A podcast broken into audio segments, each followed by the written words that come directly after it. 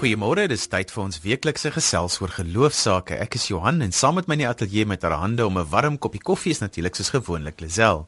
Die program is Sondagjoernaal en ons gesels godsdiens en geloof op RSG 100 tot 104 FM en ook op DStv kanaal 913. Julie is RSG se herdenkingsmaand, so vanoggend gesels ons met 'n paar mense oor vele geslagte heen. Ons gaste vanoggend is historikus Dr. Judy Joubert, Dr. Marie Kutse van die Beyers Nodee Argief, skrywer en afgetrede predikant Dominee Attie van Wyk en Connie van Rede van die Morawiese Gemeenskap in Bridgetown.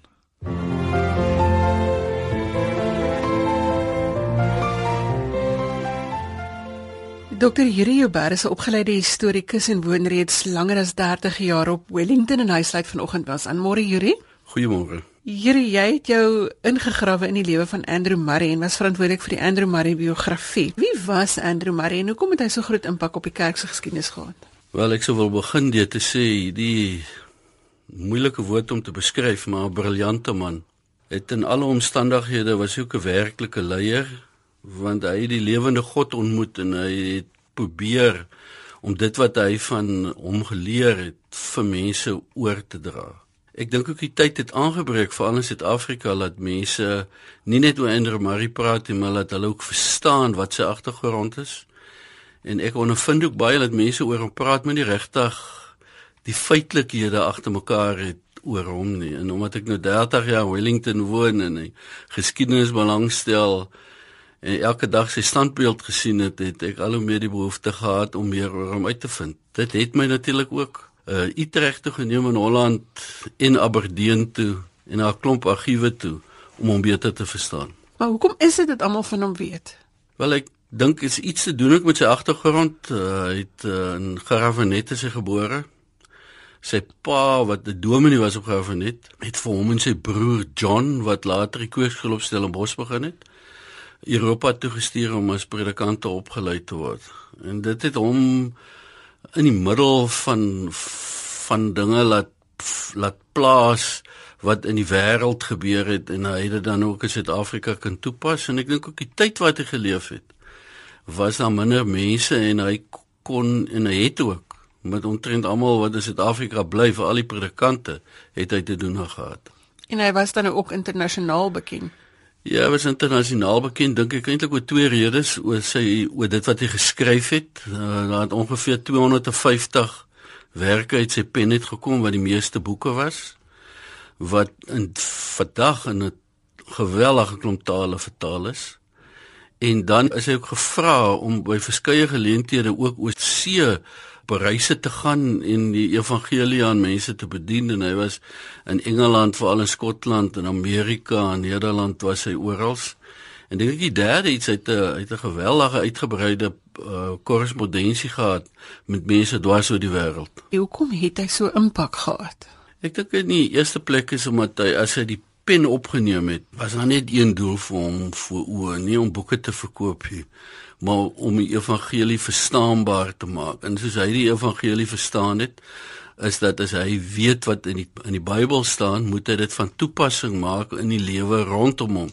Nie duisende kilometers van hom nie, net daar waar hy is. Ook interessant dat hy nooit eers dat oorweeg om na 'n kweekskool of universiteit toe te gaan nie. Hy wou 'n gemeentepredikant wees. Hy was in Bloemfontein as 'n ouetjie van 21, 22 vir 10 jaar wat eintlik die hele Vrystaat insluit. Hy was daarna Woester en toe in die Kaap waar hy nie regtig baie gelukkig was in die stad nie. En toe was hy vir die langste gedeelte was hy in Wellington. Hoekom noem ons Andrew Murray in sending in dieselfde sin? Wel ek dink uh, Andrew Murray is is een van daai mense wat ook 'n skepper was. So hy het probleme raak gesien. So die twee goed wat hy wat hy geskep het was sending en die tweede een was oor onderwys. Well in Wellington staan die bewyse van al twee. Die sending het hy sending instituut het hy daar gestig waar hy eerste keer sendelinge opgelei het. Wat interessant was is dat die sending instituut vir 30 jaar dese gemeente Wellington se moedergemeente finansiëel ondersteun is en baie sendelinge wat in Afrika die evangelie gaan verkondig het is in Wellington opgelei. En dan was hy omtrent in die middel van alle sendingwerk wat in Suid-Afrika in sy tyd gedoen is en ek dink daar is omtrent 10 groot sendinggenootskappe wat in sy lewenstyd deur hom na Suid-Afrika toe beplan het om hier te kom sendingwerk doen. Ek wil op 'n latere geleentheid met jou praat oor die impak wat hy gehad het op onderwys en ook om om vroue 'n plek te gee in die samelewing. Maar wat is die drie goed wat almal altyd van hom wil weet? Wel, nommer 1 is wat jy my nou gevra het, hoekom hoekom weet ons van hom?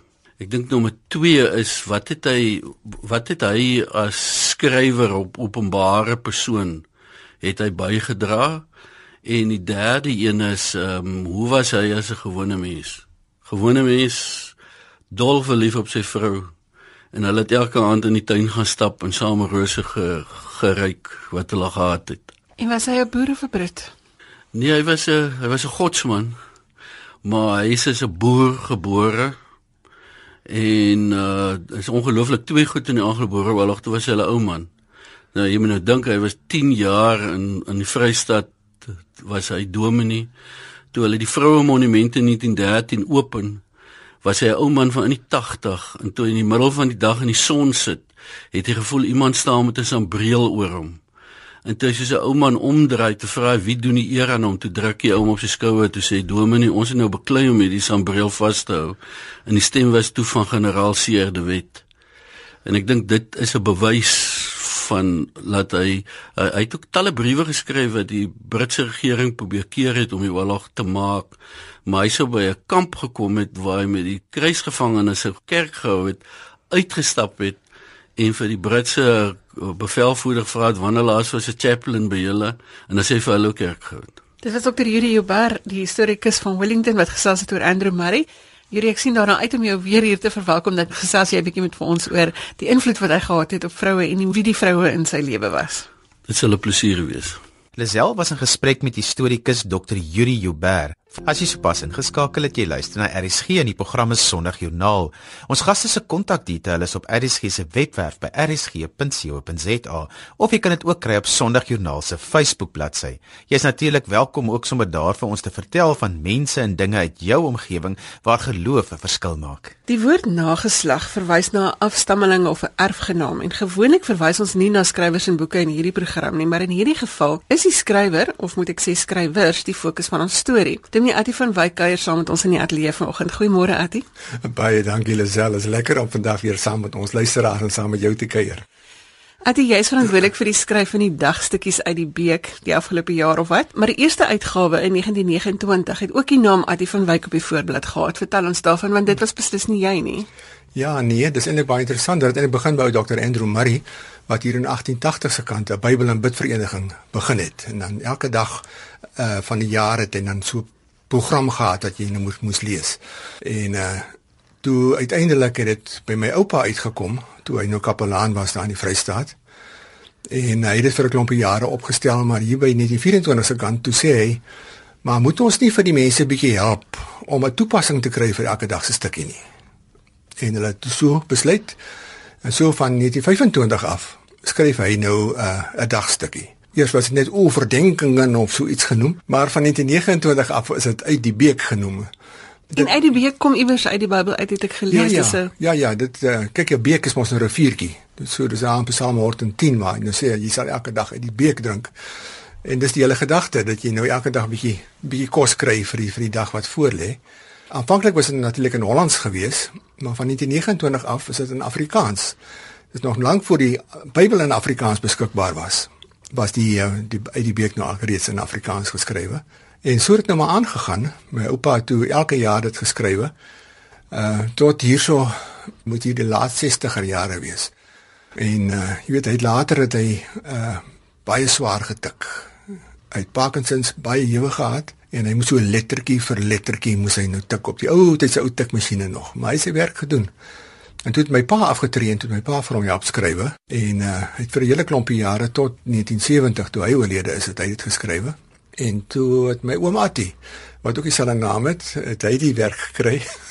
en daarmee aangegaan tot hy nou oorlede is hier in uh, 1976. Nou goed, toe was dit nou die eerste paar jaar hulle seker samestellings gemaak van die vorige van Wyks, maar uiteindelik het hulle toe mense gekry en uh so die werk maar aangegaan. Toe ek nou uiteindelik nou aftree, toe het uh, Lux Werby vir my gevra maar wil jy nie met die familie ding bietjie aangaan nie. So uh, ek is nou besig met die 10de jaar wat ek nou met uit die beek besig is. Maar dis nie die enigste storie wat daar is nie. Daar's ook 'n storie oor die Halleluja boek wat uit jou familie uitkom. Ja, dis vir my nou baie interessant toe jy nou eendag sê jy wil bietjie gesels oor geslagte.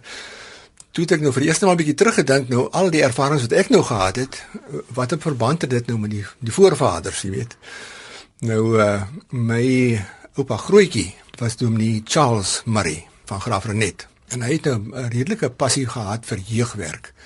En hy het gevind dat die ou psalms en gesange was nou nie baie gewild onder die jeug nie. En toe het hy begin om die Engelse sentjie tipe liedere uh, te vertaal. En uiteindelik uitgegee by in wat ons nou vandag ken as die Halleluja. Wat vir geslagte vir ons almal lekker laat saam sing het. Uh ek onthou uit my kinderdae het ons nou na kerk in die aande vir 'n uur lank of meer net gaan sing het in by iemand se huis. Uh nou toe ek nou sendeling daar in Windhoek was, uh, toe was ek nou in 'n gemeente waar nege tale gepraat is. Nou wat sing 'n mens nou in so 'n gemeente?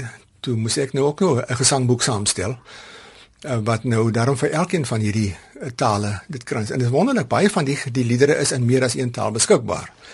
En ek het toe verlof gekry om nou dit te sit en ek ontdek nou die dag maar die ding word nog steeds gebruik interkerklik daar in Windhoek as mense van meer verskillende tale bymekaar kom, dan kan elkeen in sy eie taal sing. En hoeveel tale kon jy hulle toe vertaal? Al 9 of was dit net sekere van die tale? Man, eh, meeste van die uh, wel ek dink is minstens 6 van hulle was daar die dieselfde gesang in 6 verskillende tale beskikbaar. So, terwyl ons nou vanoggend fokus op oor geslagte en hoe dink jy beïnvloed ons ouers en ons voorouers ook ons lewe want dit klink vir my jou geslag gaan baie ver terug dat almal teoloog was. Man, nou nie almal daar nie kyk my my pa was 'n predikant en my oupa was 'n predikant en my oupa grootjie was 'n predikant en sy pa was 'n predikant. Dit klink vir my min of meer na almal. maar jy moet weet die eerste eerste van wyke daarom in, in 1677 hier in, in in die Kaap aangekom. So ons familie is 'n bietjie langer as as as net dit. Maar dit is interessant om te sien hoe baie predikante daar onder die van wyks is tot vandag toe nog.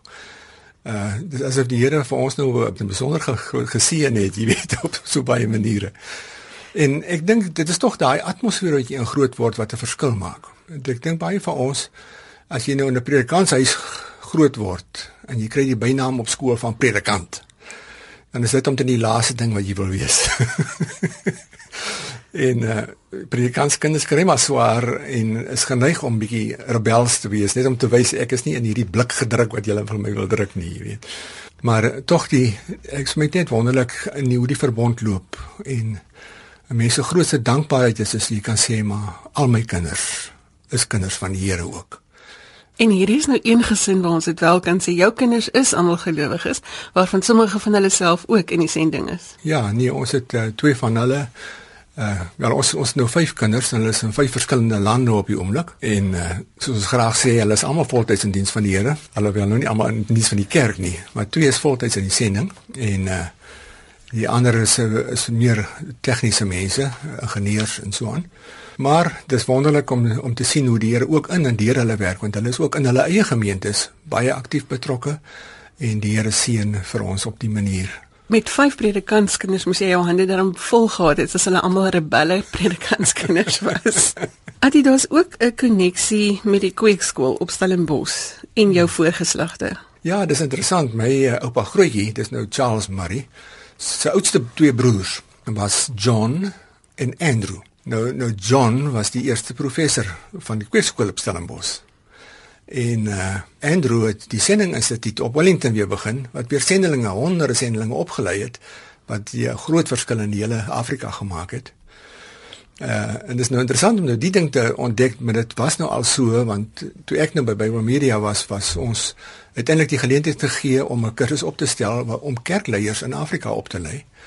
En eh, die Nehemia Bible Instituut uh op die oomblik is dit seker een van die grootste teologiese inrigtinge in die land.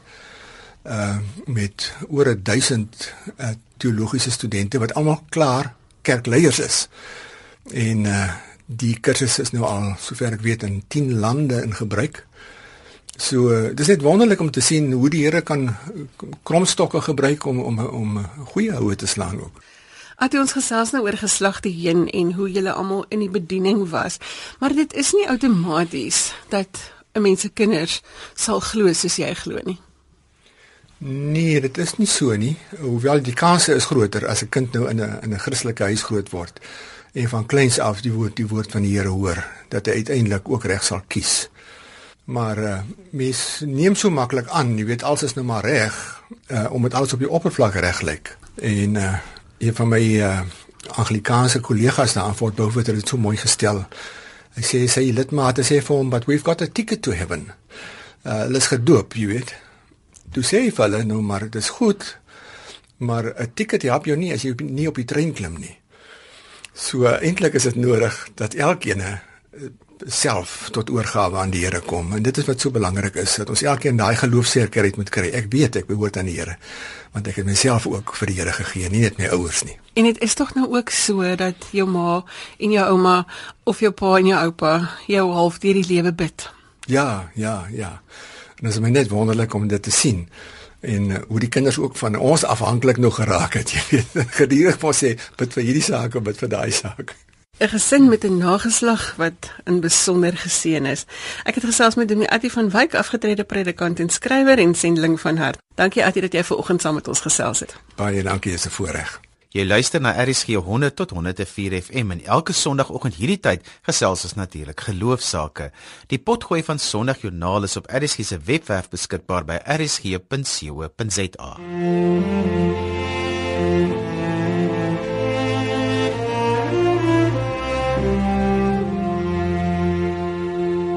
Beyersnodie sou hierdie jaar sy 100ste verjaarsdag vier. Dr. Marikutsi is verantwoordelik vir die Beyersnodie argief op Stellenbosch by die Beyersnodie sentrum waar ek vandag in die gange rondloop om meer uit te vind oor sy nalatenskap.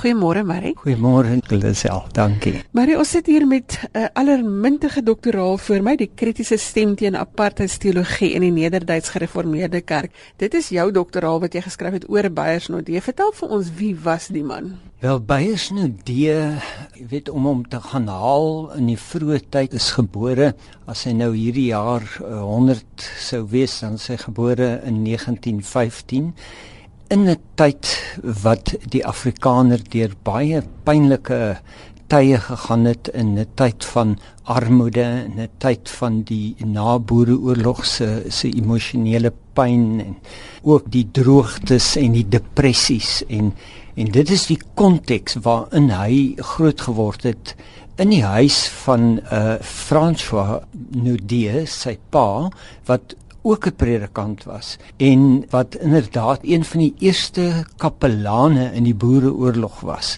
Aan die kant van generaal Beyers uh, was waar hy as kapelaan opgetree het maar uh, dan kan jy nou dink Beyers Nudie sy seun uh, oom Bey se naam kom van daar af. En in daai huis wat 'n baie toegewyde en vroom gelowige ouer huis was, uh, het hy groot geword en saam met sy broers en susters het hy uh, van vroeg af baie diep geloofswaarhede leer ken, morele waarhede van geregtigheid, van liefde, van barmhartigheid, en deernis en noem maar op. En dit het baie diep in sy grein gaan sit en baie vroeg in sy lewe in Graafrenet toe sy pa 'n erediens gehou het dit was 'n Pinksterdiens het hy sy eie ervaring van bekering gehad waar hy sy lewe aan die Here toegewy het wat besonder was dat dit van sy pa se kant af gekom het En uh, bys nou dit so groot geword in hierdie huis, 'n baie streng huis, uh met 'n baie streng ma. Uh sy pa was meer toegeeflik geweest. En dan moet ons onthou dat Beyers nou dese pa was die een van die stigterslede van die Broederbond. En daarom was hom by baie vroeg blootgestel ook aan Afrikaner nasionalisme wat op daai stadium 'n geweldige belangrike rol gespeel het om die Afrikaner te probeer uithelp uit die krisis waarin hy verkeer het om rigting te gee, om hoop te gee en uh, dit is waarby sy pa uh, baie lank betrokke was en sy pa het hierdie lewe verstaan omdat hy juis uit die oorlogsveld uitgekom het en die ellende van uh, wat daar aan die gang was kon interpreteer en verstaan het. Nou toe het uh, Beyers die se pa uh, in 'n mate ook maar 'n bietjie opskuddings veroorsaak want in sy tyd in Graafrenet is die die kerk het geskei tussen die meer Afrikaanse NG Kerk en die meer uh, liberaal Engelse agter die Engelse tradisie aan het dit geskei. En so het hom by groot geword onder hierdie streng dissipline um, sterk na Afrikaner nasionalisme wat ontwikkel het. En sy later aan uh, kweekskool toe het hy hier Stellenbosch toe gekom en hier kom studeer.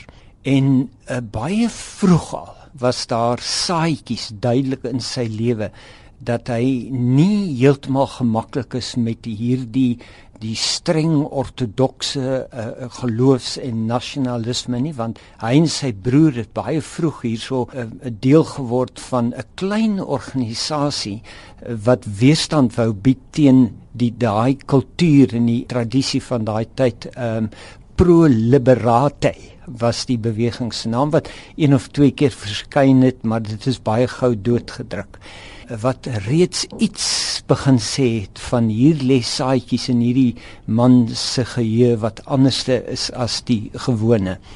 Uh van daar af het hy uh, sy teologiese opleiding gekry hierso En in sy eie eh, boek wat hy geskryf het My land van hoop, sê hy dat hy hy, hy was baie ongemaklik met die professore wat vir hom hier opleiding gegee het, want hy het nie gedink hulle het regtig die vermoë om hom te vorm in teologie nie.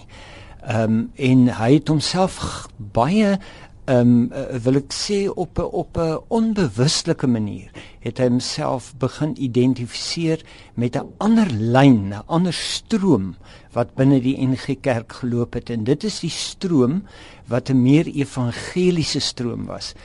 Vroom, toegewyde mense, maar ook met 'n hart vir die die konteks, die harde werklikheid van hierdie wêreld. En daarom moet 'n mens tog daai onderskeid maak dat die NG Kerk is nie net 'n kerk van apartheid nie. Dit was 'n stroom wat vir 'n tyd lank in die NG Kerk gefunksioneer het. Maar hierdie ander stroom waar by van deel was, en by deel van aangehaat het, uh, was daar. Hy was nie so sterk nie, nie altyd so baie van hom geweet nie. So Beyersnodee was nie sommer net iemand wat uh, uh, soos 'n engel uit die hemel uitgeval het nie. Daar was 'n konteks waarbinne hy gefunksioneer het en daar was 'n stryd, 'n kerkstryd in daai tyd en hy het hom geïdentifiseer met juis die kant wat die die apartheidsdenkende teoloë um, weerstand teen gebied het, hy het hom met daai groep geïdentifiseer van vroeg af. Dit wil amper vir my voorkom asof daar in 100 jaar niks verander het nie, want daar is vandag nog steeds hierdie onderstrominge en die kerk is nog steeds besig om te verander. Hy was bekend as 'n kontekstuele teoloog dan nou. Ja, nou wat met Beyers gebeur het is dat hy wel hy was die jongste broederbond lid wat daar ooit was, wat vir sy pa groot trots was.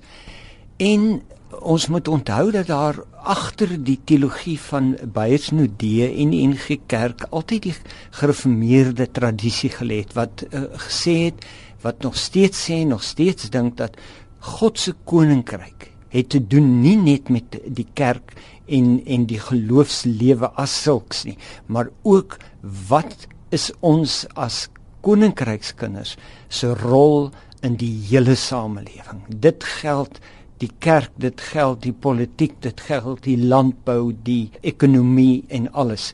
En daarom het het het Beyers 'n idee van baie vroeg af.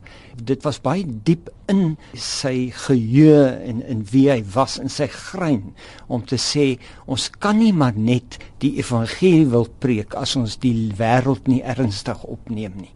En daarom kan jy ook in sy preke wat ek nou geïnterpreteer het ehm um, kan jy van vroeg af sien hoe dat hy worstel met al die realiteite van van die lewe. Ehm um, hy was nie maar net soos die Engelse sal sê uh, God is a pie in the skies and and when we die someday we'll see it. Nee, hy het sy voete op die aarde gehad. Nou goed en so het hy begin groot word as 'n 'n sterk Afrikaner, nasionale nasionale denkende persoon ehm um, tot die 50s toe. In die 1950s is hy blootgestel um, aan 'n internasionale groep wat vir hom begin vra vra uh oor waar leer die Bybel vir ons dat apartheid reg is. En dit het hom gekonfronteer met vrae wat hy voorheen nie moes probeer eers dink aan nie. En skielik word hy hiermee gekonfronteer. Hy kom terug daarmee van Duitsland en Amerika af waar hy gekonfronteer was en hy begin hierdie vrae in ons konteks in Suid-Afrika vra en sê wat doen ek met hierdie situasie? Hoe hanteer ek dit? En toe kom natuurlik die Sharpeville slagting, die Marikani van vandag, uh, daai tyd 'n uh, soort gelyk was wat daar 'n klomp mense oor paswette wat hulle teen betoge doodgeskiet is.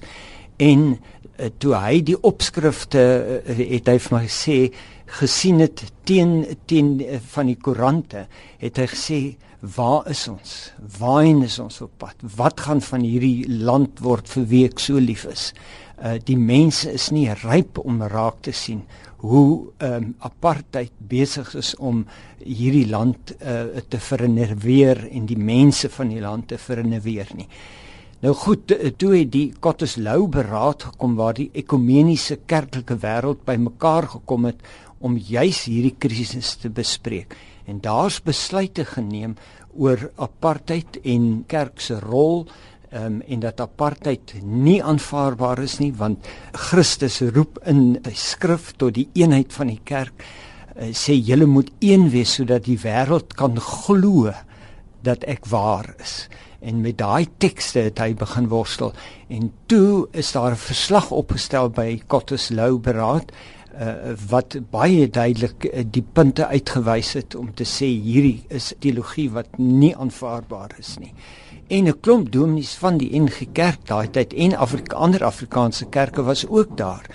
En toe op 'n stadium toe hier dit uitgelek het in die pers hierdie verslag, toe het 'n uh, dokter Verwoerd gesê maar die kerk het nog nie gepraat nie. Hierdie is sommer net 'n kommissietjie wat praat. Die kerk sal nog praat en al meer is daai persone onder druk geplaas wat by daai uh, Kotteslou beraad was om nie uh um te staan by hierdie besluite nie. En uh, meeste van hulle het uh, gekapituleer en gesê nee nee wel ons kan nou nie eintmal reg meer met die ding gaan nie en in Beyers en die was die enigste persoon wat bly staan het. En die vraag is hoekom? En dit is wat ek dink ons by die kern van sy verskywings bring. En dit is dat Beyers nou die ontdek het dat hierdie morele beginsels van geregtigheid, van eenheid, van barmhartigheid, van liefde is morele beginsels wat nie net vir die Afrikaner geïnterpreteer kan word nie. Want die kerk van Jesus Christus is die kerk wat al die mense insluit wat gelowiges is, watter kleur hulle ook al is. En hy het toe die die profetiese vergesig gehad om hierdie morele beginsels te interpreteer nie net vir die Afrikaner belang nie, maar vir die totale bevolking. En dit was baie bedreigend op daai stadium vir die Afrikaner kerke, uh, omdat skielik is hier 'n stem wat hulle repedieer um, en sê die, die teologie kan nie so bedryf word nie. Maar ek dink ons het in hierdie tyd weer 'n beiersnodee nodig om alles bymekaar te trek soos wat dit vandag gaan. Julle het 'n publikasie Cultivating Seeds of Hope. Vertel vir my vinnig daarvan. Eh, laat ek net dit vinnig by sê. Daar's twee kante wat die sterkste by beiersnodee uitstaan. Sy diep vrome geloof wat die Here liefhet en die Here dien en die ander kant die sosiale verantwoordelikheid vir die koninkryk van God. Dit dit som ek dink hom in 'n groot mate op. Nou ek het 40 onderhoude gedoen met verskillende persone wat met Beyers Nudee en die Christelike Instituut nou saam gelewe het en baie uh, um, goed vir hom geken het. Persone uit die Christelike Instituut, uit die ekumene, uit internasionale persone, mense soos Desmond Tutu, Frank Chikani, noem hulle maar op. En in elkeen van hierdie onderhoude het dit duidelik uitgekom dat mense kyk na hom terug en sê hierdie man het vir ons hoop gebring. En om te werk met die nalatenskap van Beyers Nudie hier in die sentrum is om te sê hoe interpreteer ons die nalatenskap van Beyers Nudie sodat ons vir ons kan probeer antwoorde vind vir die krisis waarin ons vandag weer verkeer. Daarom die tema cultivating seeds of hope. Dit is die seeds of hope wat nou nie nagelaat het wat ons moet interpreteer want ons is inderdaad terug in in 'n soortgelyke net van 'n ander kant af situasie as in die tyd van die Afrikaner nasionalisme. Al ons gaste se kontakdetails is op RSG se webwerf beskikbaar by rsg.co.za en natuurlik ook op Sondagjoernaal se Facebook bladsy. Gilma het Dinsdag gedraai gaan maak by die Morawiese gemeenskap in Bridgetown waar hulle winterskool aan die gang was. Die Morawiese kerk het 'n baie sterk invloed in Suid-Afrika en dis lekker om dan te kom besoek aflê in ons gemeenskap en te kan gesels met iemand wat ook die pad al gestap het vir 35 jaar in die bediening. En dis Constance van der Rede. Eers wil ek net so 'n bietjie by jou kom stil staan, 'n gedagte aan ons tema. Vir jou vra waar jou omswervinge vir jou heen geneem het en weer teruggebring het na waar jy vandag is. Het in 'n Christelike huis groot geword. Vir my as kind was dit besonder om veral soos in ons Morawiese kerk kinderfees te vier en waar ek geroep is na my skoolopleiding om voltyds vir die Here te werk. Vir my het dit nie gegaan oor finansies nie, maar oor wat ek graag vir die Here wil doen.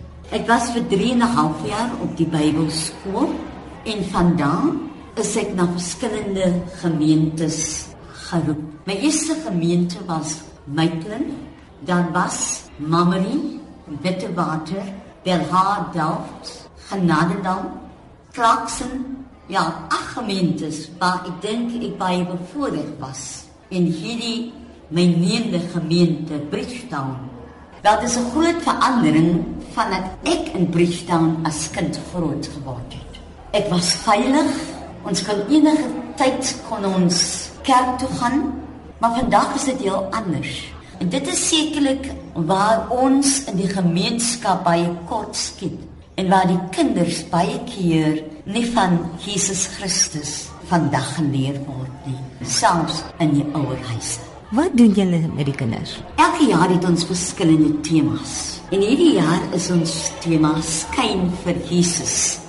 Dit is 'n groot uitdaging om vir die wêreld daar buite te kan wys ek is 'n kind van Jesus. Daarom probeer ons in hierdie week die kinders te laat besef dat daar is niks anders wat ons kan doen as om ons liggies in die gemeenskap vir Jesus te laat skyn.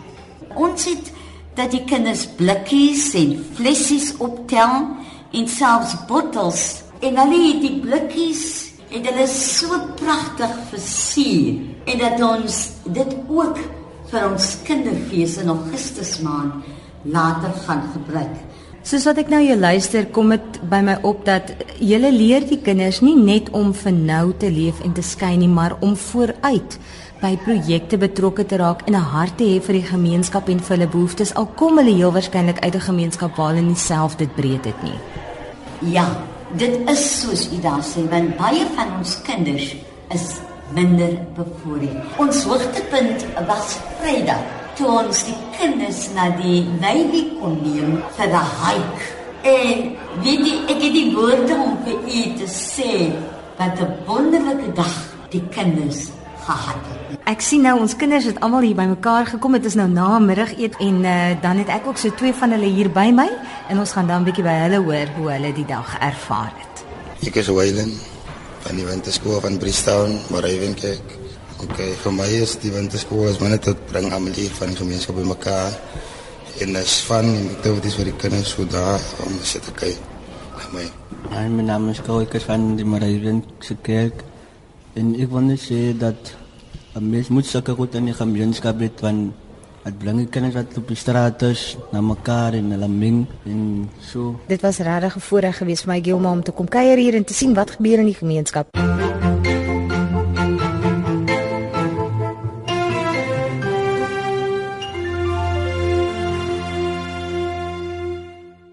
Laasens gaan ons afsluit met Dr. Janie Leroux wat met ons gesels om ons te inspireer vir die week wat voorlê. Goeiemôre Janie. Môre Lisel. Lekker om jou in die ateljee te hê. Ag, dit is altyd 'n voorreg. Waarmee inspireer jy ons vandag? Ek wil graag gesels oor die gedagte dat daar oor geslagte heen goeie of slegte goed gebeur en wat is ons keuses daar rondom. Ek voel altyd verleë as iemand na 'n kind kyk en sê, "O, die kind lyk net sy pa of sy ma." Veral as ek nie kan sien dat dit so lyk nie. Ek voel altyd sleg vir die ander ouers so onthaalwe want dit gee die gevoel die arme ouer het eintlik niks met die genetika van die kind te maak nie. Dit raak nog erger as mense sê op grond van sekere maniere van optree, "O, die kind is net haar ouma of net sy oupa." Die arme kind wil dalk nie wees soos ouma of oupa nie. So die ironie is dat daar wel genetiese oordrag plaasvind wat nogal merkwaardig iets uit 'n vorige geslag kan laat herleef. As ek onlangs 'n navorsing reg lees, weet wetenskaplikes nou dat ons DNA heeltyd verander deur ons omgewing, ons leefstyl en traumatiese gebeure wat ons ervaar. Dis hoe ons aanpas by veranderende tye. Maar van hierdie veranderings in ons DNA om aan te pas by toksiese situasies, bring vatbaarheid vir sekere siektes, dit bring voortydige veroudering en selfs vroeë dood lees ek. Sommige wil beweer dat omtrent 5% van ons genetiese kode dra hierdie tekens van vorige gebeure, wat beteken dat trauma, swak leefstylkeuses en swak dieet 'n slegte effek op ons nageslag kan hê. Dis beteken dit dat ons sal moet let op wat ons doen met ons omgewing, ons leefstyl en traumatiese gebeure en hoe gaan ons dit op die bes moontlike manier hanteer sodat ons vir ons nageslag 'n beter posisie gee en 'n beter kans op lewe vir die eise van hulle tyd. Kortom, Ons moet so leef dat ons die toekoms 'n beter kans gee. Esegiel het destyds al vir volk Israel laat verstaan dat God wil hê elkeen moet verantwoordelikheid vir sy eie tyd neem. In Esegiel 18 vers 2 vra God: "Waar kom die mense daarin om te sê die vaders eet groen druiwe en dan word die kinders se tande stomp?" Met ander woorde, jy hoef nie pa te staan vir wat jou pa gedoen het nie. Elkeen neem verantwoordelikheid vir sy eie doen en late. Die goeie nuus is sê God in vers 5: "Wie leef volgens my wil, sal reg laat geskied en reg doen." Dis tyd in ons land dat ons ophou om die verlede te blameer vir ons eie keuses vir vandag en die toekoms. Dan gee ons die toekoms 'n beter kans. Ja, die vorige geslagte mag sekere keuses gemaak het wat nou nog 'n effek het, maar ek en jy is die geslag wat nou die positiewe verskil moet maak, sodat iemand in die verre toekoms kan terugkyk na ons en sê, hierdie geslag het regtig 'n positiewe kans vir ons almal gegee. Die voordeel wat ons het, is dat ons vir God ken en dat die Gees ons sal help om te leef volgens God se wil. Dis God wat ons sal help, want dis dieselfde God wat destyds vir Abraham gesê het: "Ek sal jou God wees, ook die God van jou nageslag." So God wil my en jou God wees en ook die God van ons nageslag. So leef op so 'n manier dat die geslagte kan terugkyk en sê: "Ooh, ek sien iets van God in jou." Dis eers alwaar vir ons tyd het vir oggend, iets om oor na te dink daar. Vir meer inligting oor vandag se program, gaan sluit aan by Sondagjoernaal se Facebook bladsy en word so deel van die Sondagjoernaal gemeenskap. Vertel gerus vir ons daarvan interessante mense en dinge in jou geloofsomgewing. Ek groet tot later vanmiddag wanneer ons onderwys sake gesels. Tot dan van my Johan van Lille. Totsiens. Ek groet tot volgende Sondag. Bly warm, bly gesond en maak 'n verskil in iemand se lewe. Totsiens.